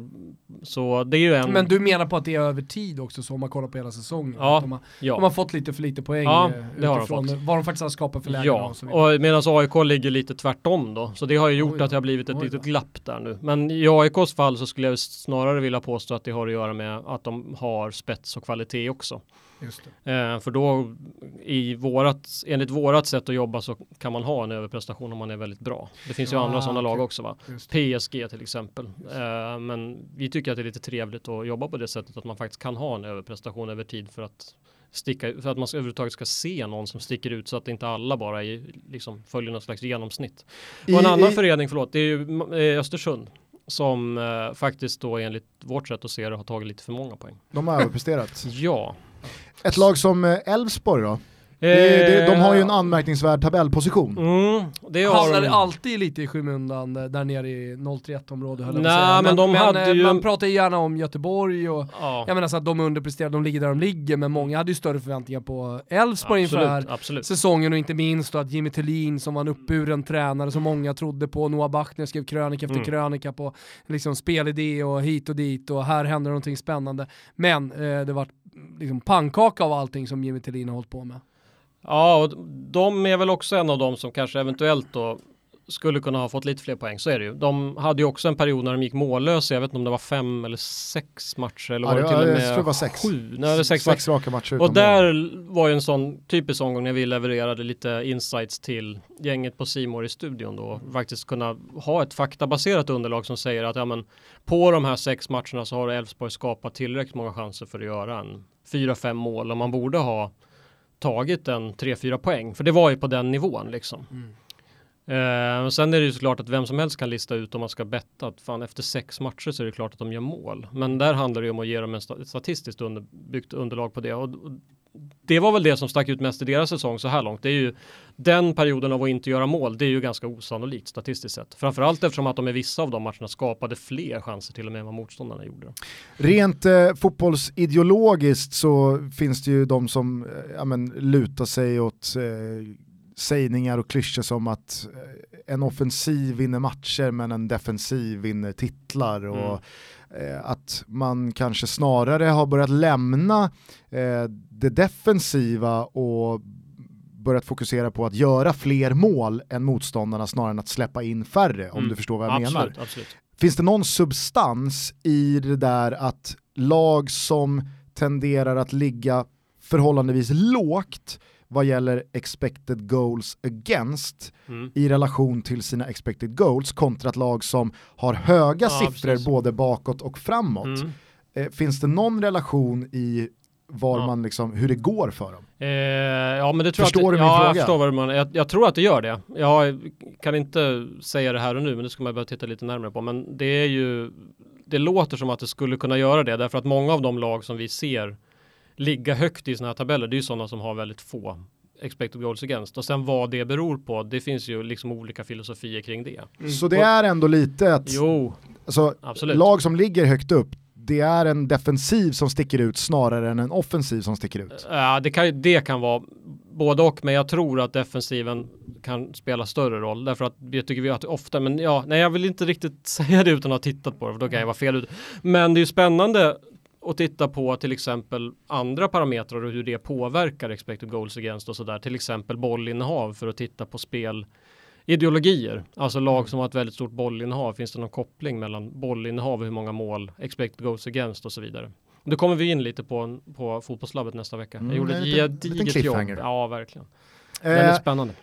Du nämner den här player index-listan, ja. eh, en siffra som vid första anblick kan vara, verka väldigt så banal. Aha, mm, det är en mm. siffra, ja. eh, vad betyder den? Men den är ju underbyggd av väldigt, väldigt många parametrar. Ja. Om, vi, om vi bara går till allsvenskan där eh, mm. och börjar i IFK Göteborg, vilken spelare har presterat bäst i, i Blåvitt? Det är ju då IFK Göteborg, jag har för mig att det var Sebastian Eriksson. Sebastian Eriksson. Ja, tvåa Elias Mar Omarsson, trea Georgi Karasvili. Du vet ändå Karasvili där. Ja, han är den enda som är kvar va? Ja. Eh, Seban Eriksson har väl lämnat något för något suspekt grekiskt ja, gäng? Ja, precis. Men uh, återigen, jag, liksom, här har vi då en ranking som liksom någonstans, säg att den sätter sju av tio ett lag så här så kan du använda den rent konkret när du scoutar. Mm. Jag vet inte, men det är väl, jag väl ingen IFK Göteborg-expert, men spontant så låter det väl ganska rimligt att det är Sebbe Eriksson, Omarsson, Karasvili, Starfelt eh, som är med där uppe, Sakor. Mm. Uh, är det någon av de eh, namnstarka och mer tongivande spelare som ligger ganska prekärt långt ner? Uh, alltså Tobbe Hysén ligger väldigt långt ner. Du Thomas, du har ju ställt lite frågor till ja. Ola. Ja men exakt. Eh, favoritdjur? det, vad sa du? Favoritdjur? Ja precis. V vad har du för favoritdjur? Jag vet Och inte. Vad, vad för slags jävla data har du använt dig av för att komma fram till att just det Favorit. husdjuret nice. du vill ha? Eh, din sjuka jävel där borta. Nej men eh, jag, jag har eh, lite frågor här. Nej ja. men eh, en är ju lite så personlig, men jag, jag har suttit och diskuterat då med mina gubbar i Polveri va eh, mina polare. Och eh, jag har i alla fall fått för mig att Ogbu ska vara en supervärvning för till exempel Djurgården. Alltså jag tycker att han eh, här på slutet har visat i matcherna, jag får en känsla av att det här är en jävel på att skapa chanser och Sirius han river och sliter upp försvar och så vidare. Kan man bevisa det på något sätt eller skjut ner? Jag skjuter ner. Ja du gör det, okej. Okay. Han det är en skitspelare alltså. Ja, ingen skit. Nej det vill jag inte påstå men han har, jag tror han har sju mål va? Ja. Och sju förväntade.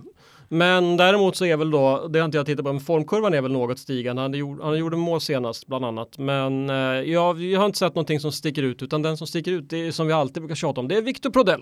Ja det är så? Absolut. Ja men det hade jag ju förväntat mig va. Men så, varför så spelar han inte mer? Så slarvigt av det att inte börja med Prodell. Nej men bara för att på något sätt så här, hämta hem att jag eh, då har rätt i att Victor Prodell är bra. Ja. Nej men eh, det, det, så det, jag tycker det här var ju snarare så här en spaning att jag inte, det är inte så att jag sett Sirius alla matcher, Nej. men jag, jag har då de, under de senaste matcherna tyckt att fan det här verkar vara en bra gubbe. Jag ska säga, jag såg inget av honom under våren. Så jag vet inte, utan det var bara eh, någonting som slog Nej, men på tal om Djurgården, den där stigande formkurvan, då behöver man ju titta lite djupare i datan för att titta på svängningar över säsong. Vi summerar ju ofta liksom per säsong och en mm. annan sån spelare som som har den, haft den utvecklingen och det är ju Aliou Badji. Ja. Såklart. Som det. i vissa matcher har ju sett helt oduglig ut. Man har inte förstått vad han har gjort där. Men sen har ju han vuxit ut till att bli en av liksom allsvenskans mest spännande exportämnen. Mm. Det är ju lite så det blir för forwards i Djurgården. De kommer dit, ja. man undrar är det något skämt? Ja, är det någon som har liksom ordnat en svensexa åt eh, en gubbe att få, få spela i, i Djurgården ett tag. Mm. Och sen så bara händer det någonting på Mm, tre veckor exakt. och sen så säljer Bosse honom för 30 millar. Exakt. Eh, varför just Djurgården för Ogbo? Var det bara alltså, rent truppdemografiskt att det finns plats? De saknar anfallare eller? Nej, Var... men jag tycker han, eh, han löper så mycket Ogbu. Mm. Alltså springer och river och, Mm. och eh, jag, jag vet inte, det är någonting med, med Djurgårdsanfallare som jag tycker ska hålla på med sånt. Djurgårdsanfallare ska hålla på och springa och riva och Det ha där är ju en parameter vi saknar i vårt statistiska underlag, alltså det som Attilo Lombardo var max på, det vill säga finding space. Just det, just Den det. kanske vi får lägga in, vad var den första subjektiva bedömning? Hur Ja. bra är han på, då kanske, han, då kanske Ågby har max liksom. Men jag tycker att du nämner en eh, intressant grej här kring Ogbo, att han har gjort sju mål på sju förväntade. Ja. Det är ju också eh, en, en del kring expected goals att se på just eh, målskyttar. Mm. Är det här en anfallare som, som snarare kommer börja leverera för att Mm. man bara har gjort sju mål men kanske har Mm. 13 förväntade? Det. Då är det ju snarare så här, "Ja, vad fan den spelaren borde vi ta för att här, här, här är en kille som kommer till lägen som, som ska göra, det kommer börja vända målmässigt. På samma sätt som, jag menar det var ju en evighetslång diskussion för mig och en käpphäst kring där Salah. Mohamed Salah. Mm. Att han låg ju på omvända siffror. Han gjorde 32 mål i Premier League på vadå? 24 expected. Mm. Ja, då kan man ju antingen välja att se på det som att ja, men han är så jävla bra avslutare så att eh, han över han, han, slår eh, statistiken för Precis. att han gör mål ändå. Precis, det är ju så vi brukar, det är så vi har valt att se på Ja. Medan jag Ja. ser på det att ja, men det kommer ju vända. Han ska ju inte göra så här många mål. Mm. Han är ju, som du också har pratat om, att Mohamed Salah är en spelare som över tid har väldigt många dippar. Mm. Han kommer in i perioder Ja, han där han är i zonen han är ruskigt bra. Ja. och sen så vänder det. Och Mm. nu ser man ju Mohamed Salah som inte alls ser ut Nej. att Har ni vara kollat samma på honom spelare den här i fjol. säsongen, vad han har för expected Eh, goals? Att Om han ligger lite mer i fas då, eh, hade ju varit ja. lite intressant, eller hur? Ja, verkligen. Jag kan söka på så. Bra sökfunktion måste man säga också. Ja, verkligen. Alltså, Ja, det, men- det går fort liksom. Nu har jag honom här. Det här- Okej, ja. men hur, hur ser det då ut då? Ja men alltså ja, du, du är ju inne på någonting här Gusten. I år är han ju då just nu uppe på sex förväntade men han har gjort tre. Mm. Så Och- då kan man ju säga så här, aha, Mohamed Salah är en dålig avslutare. Nu ska vi ta den diskussionen igen. Nej, men då måste du ju kolla över tid. Ja, ja, såklart. ja, Jag, men- ja, jag menar bara att så här, så- Och här jag kan ju- hade rätt hela tiden. Ja, eller så kan man välja att se på det som att han kommer göra ett gäng mål nu då. På, dag, på, på Exakt. ganska få chanser va? Precis, det är det jag menar. nu Att, man ska ta in honom i Fantasy Premier League. då. Det tror jag absolut att det är. Framförallt om värdet har minskat, vilket jag antar att det inte att man har gjort. bränt sitt wildcard. Mhm, mhm. ja, nej men exakt, man kan ju vrida och vända på Ja, det där ja, att här ska det ha gjorts fler mål. Men hade han bara varit en lite bättre avslutare, ja, Men du Mm. tror att det kommer bli en massa Salah-mål vad, Ja. lider? Ja. Ja. Jag har lärt mig det efter att ha fått vara med i tv, man måste vara rapp och svara, alltså ha ett Ja, svar. Skitbra. skitbra. Man måste alltid säga ja eller nej. Ja. Specie- men jag tror så här, speciellt om du hade varit, ja, men, inte så konkret i dina svar. Alltså om du hade varit lite mer släpande och, Ja, eller och använt av mycket så ja. här typ och kanske och sånt där. Ja, Då hade ju allting fallit lite va? ja så men jag, jag... tror att det är ganska bra Ja. att du går på den Jo, raka men jag, jag, jag har lärt mig det, för annars vill man ju alltid friskriva sig från allting och säga att jag har inte nog med statistiskt underlag eller liksom Ja. det här, det kan, det är bara en estimering. Men det är ju ganska roligt att, ja men han kommer ju börja göra mål nu. Ja. hur ofta drar du en rövare? Eh, Någon klubb, någon klubb har betalat Playmaker AI dyra pengar för ett svar. Du har ingen aning men du känner pressen och bara, eh, 14, Nej, tyvärr, ingen aning. tyvärr. Dra bara till med en siffra. jag har inte den livsfilosofin. Däremot kanske i fotbollslabbet kanske jag har gjort det någon gång. Eh, Thomas, du eh, ställde även frågan till Ola här. Är Daniel Sundgren helt enkelt för bra för allsvenskan? Eh, nej, jag har inte sett något sånt som Ah, okej. ty- tyder på det. Alltså, jag skulle snarare säga att han är en habil allsvensk spelare. Okej. Alltså en Tom Pettersson, alltså en sån du kan skriva ett treårskontrakt med och räkna med att ha kvar. Liksom. Okej. Tom. Pettersson såg jag dock ta sig in i Europa Leagues team of eh, The Week. the week. Just det. Två gånger. Just det, men jag, ja, nej, men ni förstår vad jag menar. Alltså, du ska, I ett truppbygge behöver man ju ha, alltså i ett allsvenskt truppbygge måste man ju ha ett par sådana för att bygga en stomme vill jag påstå. Och jag tycker nog att just nu är han en sån som du kan räkna med att ha några år. Mm. Ur mitt sätt att se det. Eh, vad sticker annars ut kring AIK? De gör ju en eh, exceptionellt bra säsong, både alltså, AIK-mått mätt, men också tycker jag, serieledande ja, mått mätt. Ja, men det är väl dels är det ju Kristoffer Olsson sticker ut som en otroligt bra spelare och sen är det ju deras defensiv. Det är tråkigt att prata om, men den är ju verkligen det som har gjort att de har gått så bra. Hur många expected goals against har AIK efter 25 omgångar? Etta, sjua. 17? Ja. Och de har släppt in? Eh, 14? Ja, något sånt. Ja. De, släppte, de hade väl eh, 13 och så blev det 14. 14 ja, stämmer bra. Ja men då ligger de ungefär där de ska ligga. Kanske då att de släpper in något mål mer på slutet då. Ja, exakt. Mm. Det kan Men eventuellt. hur ser det ut framåt då? Eh, framåt så har man ju då gjort eh, så mycket som eh, 42 förväntade mål, eller man har 42 förväntade mål. Och gjort? Eh, vart Lite mer, 40... Goal score 46. 46. Mm. Tror jag. Mm. Så att de har gjort fler än förväntat och släppt in färre än förväntat. Ja, men det är ju inga jättediffar Nej, det är det inte, men det är ju ofta är det ju så man vinner en liga liksom. Det är ju, titta på PSG till exempel, de är skyhögt över. Men det är ju inte så konstigt, de har ju fruktansvärd kvalitet. Mm. Och det ska man ju ha med sig, att vill man bygga ett lag som ska vinna ligan, då tar man ju in några spelare som, över, som liksom har de spetskvaliteterna. Det är ett ganska enkelt sätt, eller liksom, det är så man kan se på det om man ska datascouta ihop ett bra lag. Då vill man ju ha de spelarna som gör det över tid. Vilka spelare har eh, stuckit ut åt eh, bra eller dåligt håll under årets allsvenska? Eh, men Olsson är ju en av dem, Paulinho är ju såklart en annan. Neto Borges, vi har... Eh, vad va, va, va mäts på Neto Borges, alltså ja, alltså ytterbacken ju, i Hammarby det som... Ju, eh, det är väl genombrottskvaliteten tror jag och hur mycket bollar han får in i straffområdet till exempel. Sådana delar. Där sticker han verkligen ut jämfört med övriga ja, det gör han pos liknande mm, positioner. Absolut, absolut. Okej. Okay. Uh, Björn Paulsen minns jag från ja. i fjol eh, att han verkligen stack ut vad gäller vunna nickdueller. Det gör han i år också. Han, han är, är, liksom ohotad där. Ja, det, gör, det är han fortfarande. Okay. Överlägset bästa huvudspelaren. Vad finns det fler för spelare som du tycker har gjort, har gjort det bra? Eh, ja, alltså som har gjort det, det är väl många som har gjort det bra. Jag tycker det har funnits kul på det sättet att följa allsvenskan i år just utifrån att det har varit bra. Men, är det någon eh, spelare som du känner så här medialt inte får speciellt mycket uppmärksamhet men som siffror och statistikmässigt eh, verkligen förtjänar mer cred? Ja det tycker jag, David Batanero i GIF Sundsvall. Mm. Um, en era, av Gagliolos favoritspelare. Era landsbygdsfientliga stockholmare, va?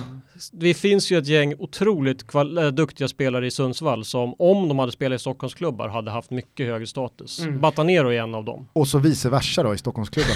ja. Det finns ju ganska mediokra lirare här ja. som får väldigt ja, men, eh, fina vitsord. Absolut, så är det ju. I, I den änden då? Eh, vill du skjuta ner några spelare? eh, nej, det vill jag. Nej. Jo. Nej, måste jag Nej, du måste inte. Men du kan ju prata om det i termer som att här ser det lite sämre ut eh, på prestationen jämfört med tidigare år. Ja, men hade vi inte en där då, Tobbe Hysén? Ja, ja, ja, till absolut. exempel. Jag tänker också, alltså är det, är, är det någon spelare man verkligen har pratat om att så här, det är en spelare som är på en helt egen nivå, vi har haft hans agent här, men Rasmus Elm mm. har ju faktiskt spelat mm. en hel del mm. allsvenska mm. matcher den här säsongen. Ja, och, och, nej, men han är ju med där uppe som en av allsvenskans bästa passningsspelare. Det har han ju varit alla år, även om det har varit väldigt lite speltid. Ja. Så... Men det finns andra parametrar som han inte riktigt levererar ja, på. Nej, men nej, han är ju liksom jättebra när han spelar. Ja, det är så. ja gud ja absolut. Och det ser man ju varje år han har spelat. Klockorna ringer liksom mm. i systemet ja, när exakt. Rasmus Elm kliver in på planen. Ja, oj, här är ja, grejer. Ja, ja, det gör de. En spelare som alltid berör oavsett om man eh, håller på Malmö FF eller föraktar dem. Vi har redan pratat om att han sitter ju inne på egenskaper som eh, är omöjliga att mäta. Men eh, hur står sig Marcus Rosenberg rent eh, statistikmässigt gentemot andra anfallare? Ja men han är ju nog jag undrar om inte han är den som vi rankar högst. Om vi tittar på det här som vi kallar för player index. Uh, jag kan kolla, han är med där uppe ja. ja och slarvigt kan man säga att det, det, det är en siffra på vem som är bäst. Ja, mm. det är ju egentligen en, ta all, ta all statistik som vi samlar på spelare, stoppa ner dem i en svart låda och så får du ut en siffra. Mm. Nu ska jag dra ett utveckling, nej jag ska inte dra ett utveckling. Jo, gör det! Nej, jag tänkte på någonting från Liftars guide till galaxen, den här, jag vet inte om ni kommer ihåg den här Nej, för, Jag kommer ihåg den. Ja, som, den där datorn som räknar i flera år och så ska, kommer, så ska de räkna ut meningen med livet Ja. och så kommer det bara ut en siffra. Liksom. Det är Just allt som, så det är samma sak här. Ja, Så det kommer ut en siffra som säger att Marcus Rosenberg är väl den, jag ska se så jag inte missar det är den anfallare som vi rankar högst, förutom Paulinho. Paulinho rankar vi högst av alla i hela allsvenskan. Och Ja, är så. eh, rankar ni de här eh, i olika positioner eller ställer man alla mot alla? Ja, eller? det är en låda. Hur ser det ut på bedömer mitt- hur ser det ut Ja, på mitten läs, läs toppen, Eh, läs ja, topplistan. då har vi ju Paulinho, Neto Borges. Nu tar jag de som har lite speltid då. Ja. Kristoffer Olsson, Fouad Bachirou, Nikola Djurdjic, Juan Ciroles, det är ju också Giffarna, Batanero, Jiloan Hamad. Där skulle Ma- jag ju snarare säga att Ciroles får ju mycket, mycket Han får mindre. ingenting. Nej, det har ni Eh, rätt. Får Ja, ju ja. ändå. Ja, exakt. Men Serioles är ingenting. Så har Hamad och sen Rosenberg. Ja, Hamad, han skårar ändå högt här, för det är många Hammarbyare som har varit lite missnöjda med Hamad. Eh, Eh, ja, Framförallt under hösten och på ja slutet. absolut. Vet Under du vad hösten. jag noterar? Nej. Inte en enda Norrköpingsspelare. Nej. Nej. Du, vad ska jag säga, tre, Eh, 300, 400, 500. Simon Tern är hyfsat högt upp. Okej. Topp 20, 30, 25 kanske. Nu kommer Simon Tern rasa på Twitter. Nej, vad ska jag göra det för? Han, Förbannade Han är, han är, han är trigger happy nu på Ja, men det Twitter, var det jag säga. menade. Det var det jag menade. Så Nej, men när Simon- vi fångar Simon honom Tern. i hans, eh, hans, eh, hans eh, mentala status just nu så kanske han blir det. Jag vet Thomas att du hade lite funderingar också kring Simon Lundevall. Ja, vad det kanske är den spelaren, jag menar där, så här, ja, men jag kan ju hålla med dig om att är det någon spelare som sticker ut prestationsmässigt på ett negativt sätt Mm. kontrat fjolårssäsongen Mm. så är det ju verkligen Simon Lundevall. Mm. mm, mm. Vad har hänt? Vad har hänt? Ja, men alltså om man tittar på siffrorna, han, han har ju tappat i så att säga player index. Han var ju ganska högt i fjol om man jämför med alls, allsvenska spelare. I år har han mer hamnat någon slags mitt i liksom den stora gröten av liksom genomsnittliga allsvenska spelare. Jag tittar Han lite, medioker. Ja, men exakt. Och en av dem där som man kan se som han verkligen har tappat, det är ju genombrottsspelet. I fjol hade han ju, eh, var han liksom max toppen i allsvenskan på att ta sig förbi, alltså en mot en, Mm. dribblingar och så vidare. I år ligger han någonstans mitt i där och det är ju en typisk sån. Där, där man, Procentuellt eller antal? nej, alltså han har tappat så att han ligger, förra säsongen hade han över fyra lyckade dribblingar per match och i år har han bara två. Men en det kan då ha bero på till exempel att en tränare säger du ska inte hålla på Nej. och gå en mot en Ja, eller? absolut. Så det, det, det kan ju ha med Absolut. position på plan att göra, tänker jag också. Absolut, han har ju färre assist per match ser jag också och eh, i övrigt inte någonting som sticker ut alls i år. Utan förra året var han ju liksom i topp där, framförallt i poängmakande, det har han ju också tappat då. Jo, men det måste ju ha att göra med att han sällan, eller mer sällan går på offensiven då, Ja. helt enkelt. Det tror jag. Jag tänker, eh, om jag nu har förstått alla dina parametrar och räkneverktyg rätt, så tänker jag att om Simon Lundevall, jag vet inte vad han gjorde i fjol, kan han ha gjort 10 plus eh, 8? Något sånt där? Mm, I fjol gjorde han eh, 6 plus 11. 6 plus 11, 17 då. Ja, Mm. eh, man, eh, räknar ni, gör, ni- gör ni skillnad, alltså kan man slå ihop mål och assist till poäng eller separerar man dem? Eh, nej, vi separerar dem. Okej, 6 plus 11, Mm. hur många expected goals hade han i, i, eh, i fjol? 5,4. Så det var en, en knapp, knapp överprestation. Mm. Och expected assist, Ja, jag har nog inte den här faktiskt tyvärr. okej. Men det jag är ute efter är att alltså, han gjorde en betydligt bättre individuell eh, prestation i fjol. Mm. Men det var, betydligt, nej, men, men det var heller ingen överprestation. Nej. Jaha, nej, du menar nej, så? nej, ja, okej, nej. nej. men du Hade rätt i. ja. han varit då liksom så här, hade hans siffror varit över förväntat så kanske det snarare var fjolårssäsongen Mm. som var en eh, Ja, stark. formtopp, Just det, just det. Men att han överpresterade. Mm. Detta borde väl då tala för att han faktiskt har eh, ja, men han, han har underpresterat den här säsongen snarare än att fjolåret var en Mm. liksom så här high. Ja, det tror jag. Jag tar eh, lite frågor också från eh, Twitter. Det var någon som undrade vad du med all analys och data har fått fram för skillnader mellan eh, Jannes landslag och Erik Hamrens landslag. Eh, ja, alltså jag har nog ingen data på Hamrens landslag tyvärr. Jag är ledsen. Så landslag är relativt nytt för oss att jobba med, måste jag säga. Jag tänker också att Helt landslag... ointressant statistik också. Vem undrar det här? Eh, det gjorde så mycket som Marcus Fredriksson. Ja, nej. Jag tänker också att landslag måste ju vara svårare rent generellt att eh, vara träffsäker mm. i sin analys kring oh ja. att matcherna är så mycket eh, färre. Ja, dels det och sen är det ju liksom fem och sen utöver det så är det ju väldigt få av de matcherna som verkligen betyder någonting. Träningslandskamper vet man ju inte ens om man kan ta på allvar och man vet ju inte om man kan ta Nations League-matcherna riktigt heller så på allvar på det sättet då. Så nej, det är jättesvårt. Många som har sett eh, Simors sändningar och eller Fotbollslabbet vet att eh, man eh, ser en så kallad spider på eh, spelare. Ja. Anton Lindgren han undrar hur man fastställer en sån. Vad är det man viktar där mot varandra? Eh, ja, alltså i den som vi använder för Simor, den har vi lite grann diskuterat fram tillsammans med dem för att få en spider som är intuitiv så tillvida att man måste kunna förstå de parametrarna som finns där. Och då har vi valt liksom ganska enkla attribut. Tyvärr är ju inte Finding Space med. Det hade jag velat ha. Men, Såklart. Men, ja, men, Vi kan döpa Finding Space till Lombardo bara. Ja, exakt. Men vi har ju till exempel avslut är ju en parameter och då tittar vi på, precis som vi har pratat om idag, hur många mål gör man i förhållande till hur många mål man så att säga förväntat ska ha gjort. Det är ju den viktigaste parametern i den och så väger vi in några andra parametrar också. Passningsspel, det är ju inte bara passningsprocent utan då tittar vi på vad bidrar man med i passningsspelet? Hur många gånger når man halvytan som Hasse Backe säger? Hur många gånger tar man sig in i straffområdet med sina passningar? Hur mycket går framåt och så vidare? Så det väger vi ihop. Och den tycker jag, jag själv ska klappa mig själv lite på axeln, den är jag väldigt nöjd med just utifrån hur den har blivit när vi kan se Stolt. att Ja men stolt. Ja men för, jo men ja, för Kristoffer Olsson är ju liksom topp och det är väl ingen liksom, mm. han har inte högst passningsprocent men han är ju allsvenskans bästa passningsspelare. Mm. Och det är ingenting som jag sitter och knappar in manuellt utan det är ju ändå en, liksom en algoritm som räknar ut det. Mm. Och sen de andra är ju försvarsspel lite svårare att mäta men vi tittar på vilken yta man täcker och hur bra man täcker den ytan och sådär. Och sen är det duellspel, det är ju inte konstigare än att vi tittar på hur många vunna dueller man har. Och dribblingar, det är ju bara hur många vunna dribblingar man har, så de är lite lättare att förstå. Mm. Men de andra väger ju in ett antal parametrar. Och den är ju inte perfekt, men den ger ju ett bättre estimat än att någon ska bara säga men jag tycker att han är en bra passare. Det är bättre än liksom eh, polaren som ser mest på fotboll. Alltså all, alla har ju en kompis eh, som då är lite mer fanatisk och kollar på lite fler matcher. Mm. Som man, när man kommer till jobbet, och ofta hänvisar till i fotbollsdiskussioner. Ja, men jag har en polare heter Gugge.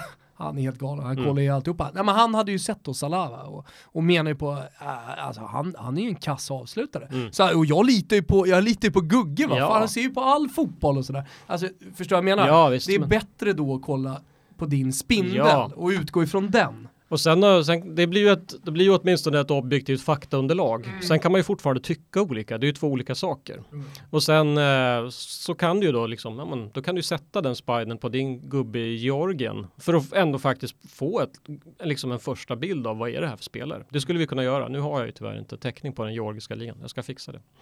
Eh, bara kort eh, tillbaks till det här player index. Ja. Går man utanför Sveriges gränser så finns ju den här globalt då, eh, mm. en, en lista som man kan hitta via fotbollskanalen fotbollen då, mm. eh, där ni rangordnar eh, spelarna i, i ja. Eh, de fem stora ligorna i Europa. Ja. Utifrån den, vem skulle du säga är världens mest, eller de fem ligornas mest överskattade spelare? Alltså en spelare som har ett anseende av att vara topp-topp, men som inte återfinns i toppen av de här listorna. Vem skulle du eh. spontant eh, säga? Uh, spontant på en spelare som ligger liksom topp, topp, men som uh, inte skulle platsa riktigt där. Ja, men, som anses vara ja, en av Europas ja, bästa ja, spelare, men som Ja, det, jag tror inte att är många, många nu, när de hör det här och sitter och funderar själva, börjar ju då eh, för sig själva eh, formulera Paul Pogbas namn här. Men det tänker jag inte göra. För jag, jag går ju direkt till Bayern München. Ja. den är intressant. Jag, ja, jag hittar ju Robben ganska långt ner på listan, men där har vi pratat om i fotbollslabbet också, en spelare som är på väg ner. Mm. Så låt mig få ta en som kanske inte är på väg ner, men som faktiskt spelar i Bayern München. Det är James Rodriguez. Ja. Du kör ändå fortfarande James. Jag gillar det. det. Gillar du man. behöver inte ändra detta nej, faktum att du gör jag, det. Jag, jag, jag, tycker att det är uppfräschande, det är härligt att du ser liksom, på fotboll på ett annat sätt än alla andra. Så, Men jag tänker inte ens försöka. my som... name is James. Nej, my name is The name is Bond. Men det är ju som ni brukar säga om... hur många skulle säga James Rodriguez? Det är som ni själva brukar säga, om han hade åkt till USA, hur många hade satt James? Nej, jag, jag, jag, jag hajade bara till Ja. Martin. James Bond. James. James Rodriguez. Men du kommer ihåg den rubriken? The name is Bond. James Rodriguez. Jag svimmar. Den är så jävla dålig. Ja, det är det. Men, eh, okej, James är ju, det kan jag hålla med dig om, det är ju väldigt många som pratar om James Rodriguez som en av de bästa. mm. Men han är alltså långt ner på de här Ja, listorna. det är han. Jag kan tänka mig att det är mycket colombianer som är långt ner på den här Nej, listan. Jag det vet inte varför. jag. Alltså. Eh, nej, det var... Det var Bara du börjar fingra där, Falcao, Quadrado, Mm. Quadrado ligger långt ner. nej, Det, det Nej men högt upp då, okej, jag, jag ska skjuta ut alla här då. En Mm. spelare som ligger högt upp på de här listorna som jag inte Ja. förväntade mig är ju Olivier Giroud. Ja. En, men det var i fjol. Jag är inte säker på att han gör det i år. jag tror ju då, så här, en som många tror ska ligga högt upp på den här listan, men som inte ligger högt upp och som liksom kommer med nu i Ballon d'Or och sådär, det är ju Griezmann va? Han kan jag ju tänka mig, ligger inte så jävla högt ändå. Nu känns det som att, eh, du sticker ut Ah, hakan. Han ligger 82 82 just nu, men det- alltså, det är ju fortfarande ganska tidigt på säsongen. Det ska vi ha med oss. Så det här kommer ju förändras under säsongens gång. hur, eh, hur såg det ut i fjol då? Eh, då Jo, det låg är han klart det kommer högre. förändras, men jag säger bara, här får vi en liten tendens på att eh, eh, Griezmann, som är eh, nominerad till Ballon Mm, d'Or, eller hur? mm. Topp men vem 30. fan är inte det? Topp 30, han är 82 Ja, ja, ja, jag säger bara att Gubben, Mm. de här, alltså jag, så här, har, jag har spanat här. ja, Jag, ja. tror att, eh, jag tror att många hade honom topp 15 inför VM. ja herregud, många har ju pratat om eh, Griezmann Topp som 7, topp 5. alltså, en riktig jävla Ja, Han utmanare. är 82 Ja, du, du bad mig komma Ja. på en spelare som inte ligger. Jag sa Griezmann, Bra. han ligger 82 Bra. Yes! Ja, men det är, jag, jag gillar, alltså idén, eller en av anledningarna att jag tog fram den, det är ju dels för scout, men sen var det ju kul för jag hade en kompis som just efter VM 94 var obstinat och höll på att prata om att Thomas Brolin inte var, var, bland världens 200 bästa fotbollsspelare.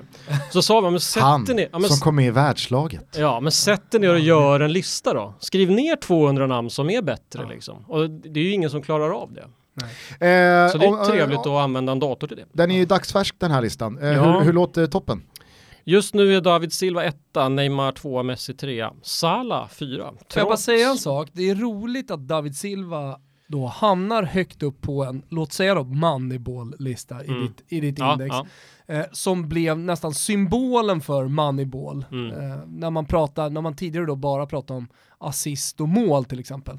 Eh, så, så såg man ju då i, i det här liksom Mm. Moneyball-sammanhanget att David Silva hade väldigt många ass-ass, eller han, eh, vad man nu kallar det för, drev upp Ja, bollar, precis. var bidragande till Ja. anfall. eh, Hockeyass. här. Ja, Ja. fast det var inte så jävla mycket så här, så här, sekundär bra Mm. på något sätt. Eh, utan honom så hade inte hans lag gått speciellt bra. Nej. Och så är han dessutom på en sån här lista, han är liksom den ultimata Moneyball player Ja. index-spelaren. Ja, annars har man ju pratat om Tim Sparv i Mittjylland som den.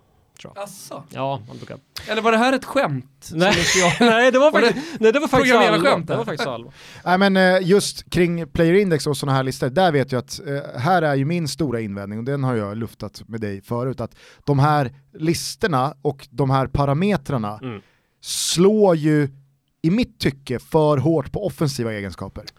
Ja, det hur hur är jag. jämför man offensiva mittfältare, yttrar och anfallare och deras inverkan på lag? Hur, hur ställer man en, en bra anfallare och viktar honom mot en bra Mittback. mittback? Nej, Alltså, nej, det blir ju väldigt svårt. absolut. Jag tycker Absolut. Men det är ju... ju så fotbollsdebatten är också. Jo, men jag menar väl så här, jag att det är korrekt. Vem, vem är mittbacken högst upp på den här listan? Det måste vi gå en bit ner. Det är ju, så är det ju va. Vi har Exakt. ju några ytterbackar som ligger ganska högt upp, typ Marcelo. Ja. Men, Och det vet man ju, det är ju bara på eh, offensiva Ja, ut, Ja. uträttade eskapader. absolut. det, det blir ju liksom så här att ja, jag tycker att Sergio Ramos ska nämnas ehm, i en diskussion kring världens tio, kanske rent av fem bästa spelare, men han kommer ju aldrig vara där på sådana här listor för att det slår så mycket hårdare med mål, assist. Mm.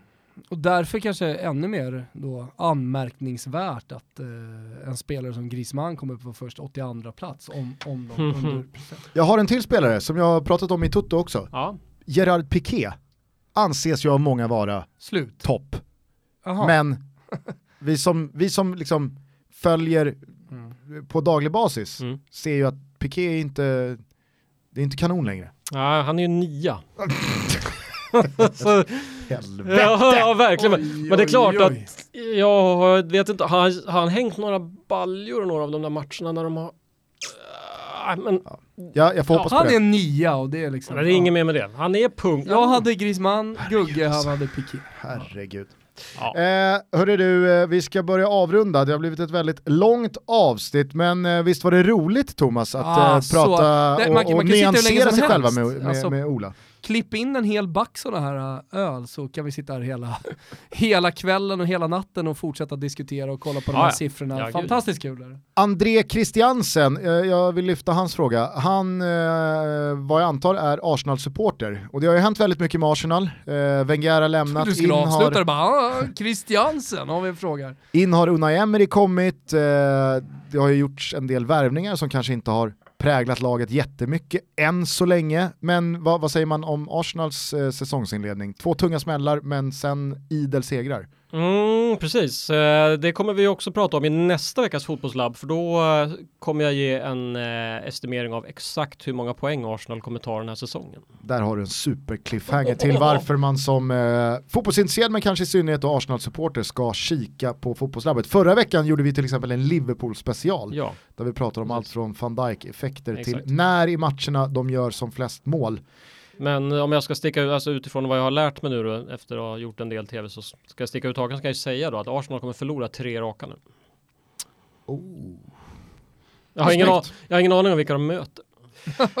Hörni, eh, följ Ola på Twitter för eh, mycket, mycket mer initierat eh, fotbollssnack och grafik på olika data som är relevanta i olika Ja, fotbollssammanhang. många olika anledningar. Fantomen, helt enkelt heter han. Precis, och sen så kan ni kika på honom med mig och Backe i Fotbollslabbet på fredagar på Fotbollskanalen eller Sportkanalen. Fan vad kul att du kom hit. Stort tack! Stort tack, det var jättekul. Eh, du har väl Strive?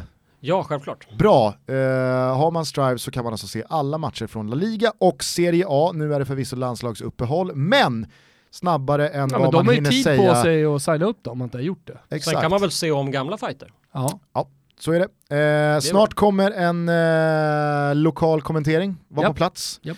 Strive jobbar också på att eh, få in sig själva i smart-tvs va? Ja, och linjär kanal kollar man på och lite sådana grejer. Så det, det kommer bli bra hörni. Man signar upp sig på strivesports.com eller laddar ner appen där appar finns. 79 spänn i månaden kostar alltså för Serie A och La Liga. Det är ett jävla kap som inte ens Ola kan motbevisa med någon siffra i världen. Och sen så tycker jag att eh, ni håller ögon och öron öppna via våra sociala mediekanaler för att hitta en boostad eh, trippel Mm. kring Nations League. Exakt, det är ju roligt med Nations League, eller hur? Ja, Så kanske vi ses i Betssons VIP på Friends Arena när Slovakien kommer på besök. Exakt. Mm, det blir jävligt eh, fint det. Hörni, tack för att ni lyssnar, ha en fortsatt fin vecka. Och återigen eh, lyfter vi på hatten för Ola att du kom hit. tack för att du fick komma. Eh, vad lyssnar du på för musik? Är det drum and bass? Nej, det, var, alltså, det händer att ni gör det, men jag lyssnar på väldigt mycket musik. Så om du då, som alla våra gäster får göra, eh, får avsluta med en låt, var landar vi då någonstans? Eh, har ni kört The Farms All Together Now någon gång? Det tror jag inte. Kör, vi aldrig kör den då. Mm. Kimpa rullar igång den. Eh, vi hörs eh, nästa vecka. Ta hand om er och så glömmer ni inte att köpa biljetter till Toto Balutto 200. 5 december på Oscarsteatern.